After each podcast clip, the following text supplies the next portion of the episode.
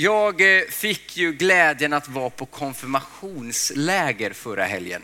Inte bara glädjen att vara där, utan också att planera det. Ehm, de tidigare pastorerna hade satt lite ett ramverk, det här kan vara bra. Och jag tyckte det såg bra ut och så planerade jag in detaljerna. Vi åkte till eh, Göteborg, ehm, en lång väg med bil. Ehm, vi bodde i Smyrna Eh, råkade kanske få en brandkår att gå dit, men det, det, är inget, vi tar det sen om ni undrar. Eh, det var en riktigt bra helg. Det var en detalj jag hade missat. Vi gick på Liseberg, vilket är jättekul om man inte är höjdrädd. Jag är höjdrädd. Vilket blir att den här dagen går jag runt och skakar, för jag vill ju inte inte åka med de här konfirmanderna som är aldrig rädda verkar det som. Det började med att vi åkte upp i någon slags plangrej eh, och jag var 40 meter över marken, satt själv i en liten stol och bara åkte runt och kände, är det här början? Kan man liksom säga sig, jag är sjuk? Eh, det fortsatte, det blev lite bättre, men där det var värst var pariserhjulet. Nu skrattar några, nu tänker de, det är ju den bästa. Eh, det trodde jag också. Jag bara, det kan jag lösa. Eh, sätter mig i Pariserhjulet och så börjar vi åka upp och så stannar den lite hela tiden. Vagnen gungar fram och tillbaka och man har lite panik. Eh, men det gick bra fram tills jag trodde jag skulle få åka ut. För de stannar hela tiden, släpper på folk och så tänkte jag så kommer de stanna och bara låta mig gå ut i frihet. Då säger de nej, nej, nej. Nu när alla är på, nu ska vi börja åka runt. Och då åker vi runt om och om och om i vad jag tror är världens största Parishjul. Det är högst och det är farligt och den här vagnen gungar. Eh, om ni vill se lite bilder och filmer så har teamarna filmat mig när jag försöker inte få panik. Eh, konfirmanderna hade en egen liten sånt där bås så de, eh, rädslan spreds inte. Men det är vackert och coolt att se vad människor kan bygga när de gör det tillsammans. Alltså om man bara kollar på det här Parishjulet som är gigantiskt. Det är ju inte att jag själv känner, nu ska jag gå och snickra ihop ett pariserhjul. Jag vet när jag var liten och hade träslöjd, då kunde man knappt få ihop en, eh, en vad heter det, fågelholk. Alltså det var ju kämpigt bara det. Men se några år senare, och om det är sjukt många människor som hjälps åt, så kan man bygga väldigt coola saker. Alltså Parishjul som är extremt mäktigt. Eller om ni går in i stan någon gång och eh, går förbi vid Odenplan så ser man den här gigantiska kyrkan. Den kan man inte bygga själv, men tillsammans. Och jag själv eh, gillar att turista lite i andra ställen för då går man upp med lite nya ögon och det känns som att när man kommer till de här stora byggnaderna tänker man, men hur kommer man ens på att man ska ha gjort det här? Det är imponerande vad vi människor faktiskt har kunnat bygga. Vi eh, idag kommer gå in i en del i Bibeln eh, som eh, vissa kanske har hört mycket av och vissa kanske aldrig har hört om. Eh, vi kommer komma tillbaka till byggen snart. Men vi transporterar er bak typ 2000 år. Det är stor fest. Folk eh, är överallt. Det är folk från olika kulturer som har kommit till Jerusalem för att fira tillsammans. Det finns flera olika språk som människor liksom kan inte ens prata med varandra för att man liksom förstår varandra inte. Det är nästan som en konferens i Stockholm där det är flera människor från olika delar av världen som åker in för att samtala om något viktigt. Och det man samlas kring här är en, en judisk högtid. Så tänk er fulla gator, mycket människor, fest, goda måltider, men också jättemånga olika slags kulturer som samlas. Här så har vi Jesus lärjungar som sitter inne i ett rum och tar det lite lugnt. Eller ja, kanske inte tar det lugnt, de sitter nog mest och väntar. Innan så hade Jesus, eh, han hade dött, han hade uppstått och han sa vänta, jag kommer skicka med er något som ger er kraft, något som ger er styrka. Och ni kommer förstå lite grann när det kommer. Så här står det i Apostlagärningarna, Apostlagärningarna kapitel 2, eh, eh vers 1 till 4. När pingstdagen kom var de alla samlade. Då hördes plötsligt från himlen ett dån som när en våldsam storm drar fram. Och det fyllde hela huset där det satt. Tungor som av eld visade sig för dem och fördelade sig och satte sig på var och en av dem. Alla uppfylldes av helig ande och började tala främmande språk allt eftersom anden ingav dem att tala. Här har vi plötsligt en situation där det är lärjungarna sitter och väntar. Det är något som händer och de går ut och har plötsligt förmågan att prata olika språk. Folk som inte förstår varför det sker. Vi, vi går tillbaka till det snart. Eh, och sen vidare står det så här kapitel 5, eller vers 5 till 8. I eh, Jerusalem bodde fromma judiska män från alla folk under himlen. När dånet hördes samlades folkskaran och alla var skakade eftersom var och en hörde sitt eget språk talas. Häpna och förundrade frågade de, är det inte galileer, alla de som talar? Hur kan då var och en av oss höra sitt eget modersmål? Eh, är det någon här som känner till Shauma?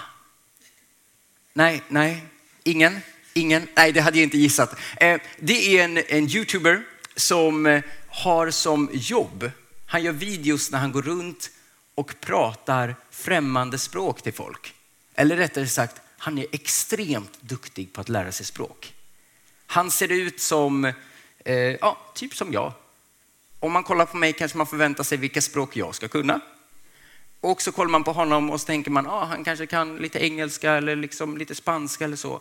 Han kan flytande mandarin, han kan små eh, bushfolksspråk i olika delar av Nordafrika som det är bara några få hundratal som kan.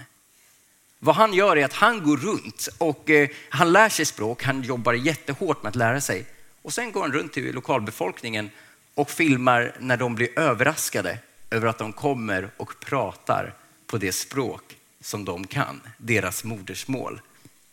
Eh, om ni inte har, har sett de här videorna är eh, man kan lätt sitta fem timmar. Man vet inte hur det börjar. Det börjar med fem minuter. Och sen sitter man där och så blir man förundrad varje gång.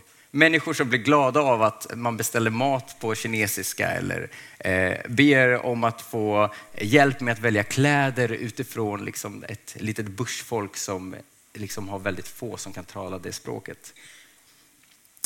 Det blir som att folk när de får höra sitt språk, man känner liksom en närhet. Det finns en, en hemma, liksom välkommen in i familjen.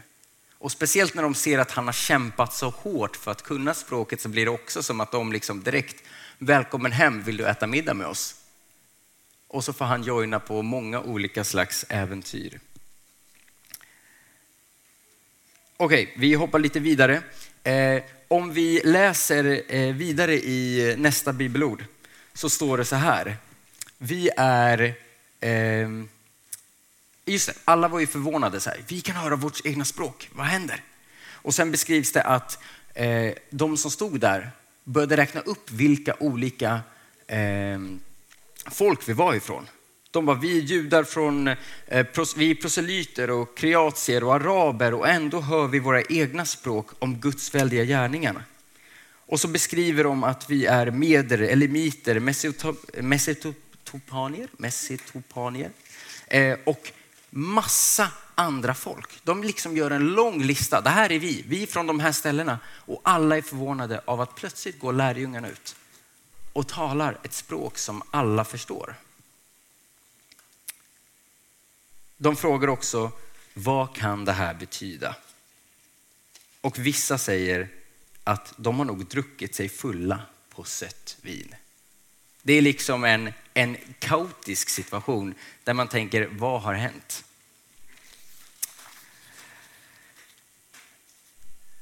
Vad som händer är att Gud säger så här. Det finns massa folk i Jerusalem. Jättemånga människor, de pratar olika språk. De har olika kulturer, de har olika bakgrund. Jag vill nå ut till dem. Det sker, jag kan inte förklara hur människor kunde förstå sitt egna språk. Eller liksom språket så att alla kunde förstå. Rent matematiskt kan jag inte beskriva det, men jag tycker att det säger någonting om Gud. Han nöjer sig inte om att bara prata med en liten utvald skara som är här. Utan han säger, jag ska prata på ett sätt så att alla människor förstår. Det är nästan som Xiao Ma som går runt och pratar kinesiska med folk nere i Chinatown. Lite så gjorde Gud. Men han pratade med extremt många olika människor samtidigt. Och folk gick fram och frågade vad betyder det här? Och lärjungarna fick berätta om Guds plan. Om hur Gud sände sin son som dog på ett kors, som uppstod. Och folket responderar liksom, vad kan vi göra? Och Gud säger, eller eh, lärjungarna säger, ja, men ni kan omvända er. Ni kan komma inför Gud. Ni kan få förlåtelse, inte för det ni har gjort, utan för det Gud har gjort. Hela storyn i Bibeln tycker jag talar om hur Gud pratar olika till olika människor för att man ska förstå. Jag tror att Gud är intresserad av att tala med alla människor. Jag tror att Gud är intresserad av att tala med dig. Det kanske inte är precis på samma sätt han snackar med mig, eller snackar med Paulina, eller Sara och Agnes eller någon annan. Men jag tror att Gud är intresserad av att nå varje människa.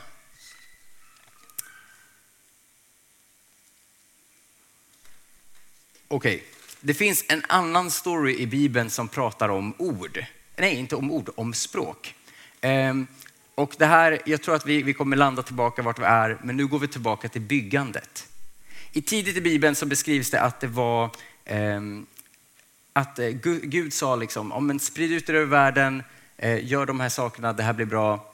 Eh, men det fanns ett gäng som valde att inte göra det och istället började de bygga något som heter Babels torn som tros vara någon slags pyramid. Och den sägs att den skulle nå upp till himlen eller in till himlen eller på något sätt liksom bli vår trappa upp i himlen. Det var inte en jättebra konstruktion, beskrev Gud. Vi kommer inte gå in på varför det inte var jättebra liksom, på många plan. Det finns många olika sätt att se på det. Men två saker skickar jag med er. Ett, folk ville bygga för att säga kolla vad bra vi är. Eh, liksom, kolla vad starka vi är, kolla vad förnuftiga vi är. Vi har lyckats bygga det här. Eh, och eh, två, för att Gud hade sagt gå ut över hela världen. Det är lugnt. Och ta hand om världen. Och så beskrivs det i den här bibelberättelsen att, att folket kom samman och de byggde det här tornet så att de inte skulle skingras. Så att de alltid kunde se den här staden på långt håll och så de vet hur långt de ska hålla sig hemifrån. Så det var lite mot vad liksom Gud hade tänkt. Han bara, nej men ni ska ut i hela världen. Ta hand om hela världen. Okej, okay. Babels torn, vad har det med allting att göra?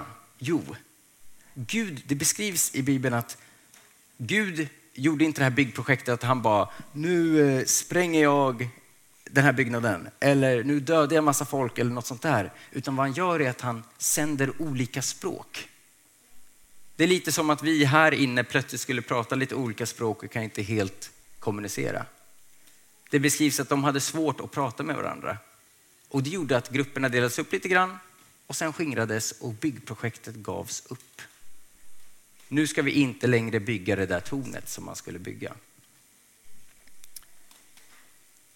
Så vad har det här med pingst att göra, eller liksom apostlagärningarna 2?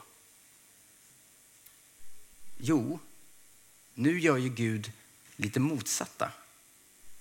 Tidigt i Bibeln kan vi läsa om hur människorna ville bygga någonting för att säga kolla vad bra vi är. Och Gud sa, nej men det där är ju fel intention. Och så skingrades folk genom att de inte kunde kommunicera. Går vi till apostlagärningarna så är det ju motsatta plötsligt. Gud ser folk är skingrade och det är inte planen. Vi ska samla folk. Lärjungarna fick kraft genom helig ande, gick ut och kunde tala andra språk så folk förstod. Det var som att Gud förde samman det som hade splittrats förut. Det var som att Gud sa att det som hände där, det ska inte vara för evigt. Och Bibeln pratar ofta fram och tillbaka med varandra om sådana här saker. Babylon, att bygga det här tornet, det var något dåligt. Men det spännande med att vi knyter lite ihop de här berättelserna är att ja, eh, folket spreds på grund av att de fick olika språk. Bygget gavs upp. Gud samlar genom att folk från olika kulturer kommer samman, folk med olika språk kommer samman. Då kan man ju säga, ställa sig frågan, vad ska byggas nu? Jag tror att Apostlagärningarna 2 inte bara säger Gud samlar. Det gör den. Gud samlar, men jag tror han också säger det finns ett byggprojekt att göra. Vi pratar inte om nya kyrkan här. Det gör vi på församlingsmötet sen senare efteråt. Eh, men jag tror att Gud vill säga det finns något att bygga. Om man kollar på världen kanske man ser det, det är inte helt perfekt.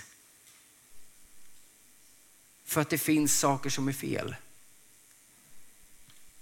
Gud säger, jag vill bygga mitt rike. Ett rike som är byggt på kärlek. Ett rike som är byggt på tjänande. Där vi kommer samman, inte för att säga kolla vad bra vi är. Utan vi kan få komma samman och säga kolla på Gud. Vad han har gjort och vad han vill göra nu.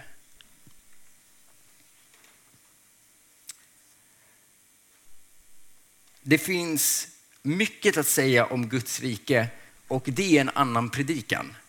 Vad innebär det? Vad vill Gud bygga egentligen? Det kan man ju läsa när man läser Bibeln och hitta massa olika aspekter. Du kanske själv känner att det finns något som slår på ditt hjärta. Människorättsfrågor eller ehm, eh, mission till andra länder eller olika saker. Det finns extremt mycket. Men vad jag kan se är att precis som ett Pariserhjul inte kan bygga sig själv eller med en person så är det tillsammans som vi samlas för att bygga Guds rike. Om det, är, det finns tre saker jag vill att man ska få med sig från den här predikan. Ett, Gud vill tala med alla människor. Vare sig om det är dig som sitter här inne, vare sig om det är din granne, eh, personen som kör lite för snabbt i rondellen som man blir intresser eh, inte intresserad av utan man blir irriterad av. Eh, jag tror att Gud vill tala med alla människor. Jag tror att han talar på olika sätt ibland. Ibland när man läser Bibeln kanske ett ord som dyker upp. Ibland är det någon känsla på insidan. Ibland är det vad en kompis kanske säger som lyckas pricka precis rätt. Jag uppmuntrar er den här veckan att så här, förväntar dig, men Gud vill nog tala till mig. Han kanske inte kommer tala precis som man tänker. Men Gud är intresserad av att tala med alla människor. Vi är kallade till gemenskap tror jag också. Genom liksom pingstdagen där Gud säger, går, lärjungarna går ut och talar olika språk så är det som att han säger, nu samlas vi. Vi, talade, vi samlade till gemenskap, vi är inte samlade till att vara exakt likadana. Vi är inte ens samlade till att prata samma språk. Vi märkte där att i apostlagärningarna var det inte som att Gud sa, nu har alla samma språk igen. Nej, det var så att man kunde förstå varandra ändå. Det fanns något annat som förde en samman som var större. Vi är kallade till gemenskap. Oavsett vad vi har för bakgrund, oavsett vad vi har för kultur, oavsett vart vi kommer ifrån, vad för erfarenheter. Jag tror att Gud kallar oss alla till gemenskap. Och jag tror att Gud bjuder in dig, bjuder in oss till att bygga någonting. Bygga någonting som ska vara gott, bygga något som kan vara i längden, bygga något som kan ge mening i längden. Vi är inte inbjudna för att bli älskade. Nej, förlåt. Det där var verkligen fel det kan jag ju komma ihåg. Om ni ska komma ihåg något från, då kan ni så här, skriv det på Instagram eller något sånt där. Pastorn sa, ni är inte inbjudna för att bli älskade. Det var ju spännande. Nej, så här. Vi är inte inbjudna att bygga någonting för att bli älskade. Det är inte att så här, Gud säger, nu ska vi bygga Guds rike så du kan bli älskad. Nej, nej, nej, nej, nej. Gud säger, du är älskad, du har ett oändligt värde. Därför bjuder jag dig in till att vara med och bygga något gott. Bygga någonting som kan få bestå, bygga något som har mening, bygga något som kan sätta riktning på hela ens liv. Bygga någonting som kanske går emot det negativa vi kan se. När vi ser slaveri, orättvisor, hungersnöd, sjukdom. Jag tror att Gud kallar oss alla att bygga Guds rike. Och det kan vara att han kallar dig till att bygga något väldigt specifikt. Kanske är du som konstruerar muttern så att inte det här pariserhjulet, vagnen, faller ner. Eller motorn som ser till att det åker runt. Eller de här stabila pinnarna så att inte hela konstruktionen välter. Vi är kallade att bygga någonting. Inte genom egen kraft, genom det Gud gör. Inte för att visa att vi är bra, utan för att peka mot Gud. Lovsångsteamet, ni kan komma upp. Nu märker jag att ni brukar sitta där borta. Där. Eh, ni kan komma upp. Gud är intresserad av alla människor. Vi är kallade till gemenskap och vi är kallade att bygga någonting. Inte för att bli älskade, utan inbjudna för att vi är älskade. Eh, vi kommer gå in i en stund av lovsång och förbön kommer finnas tillgång till. lovsång är skrivna böner till Gud eller berättelser om Gud i musikform. Eh, förbön finns tillgängligt här nere. Ehm, och förbön är bara att någon hjälper dig i bön. Eller hjälper dig i tacksamhet. Om man säger att jag vill tacka för det här. Det kan vara litet, kan vara stort. Men innan vi går in i det så ber vi tillsammans. Tack Gud för att du eh, älskar varje människa. Tack för att du vill tala till varje människa. Tack för att du talar på olika sätt. Vi är olika människor. Jesus, jag ber att vi i den här stunden, att du ska tala till oss. Tala till oss på ett sätt som bygger upp, som sätter riktning. Jag ber att vi ska på vårt egna sätt också kunna lyssna. Ja, men vad har du att säga? Herre, jag ber också att, eh, eller jag tackar dig för att du inte är fast i den här lokalen i kyrkan, utan du är med hela veckan, hela livet. Att vi kan få möta dig på jobbet, kan få möta dig när vi åker bil, kan få möta dig när vi är ute och vandrar i skogen. Att du är en Gud som vill möta oss, du vill möta oss på alla delar av vårt liv. Vi lägger den här stunden i dina händer. Amen.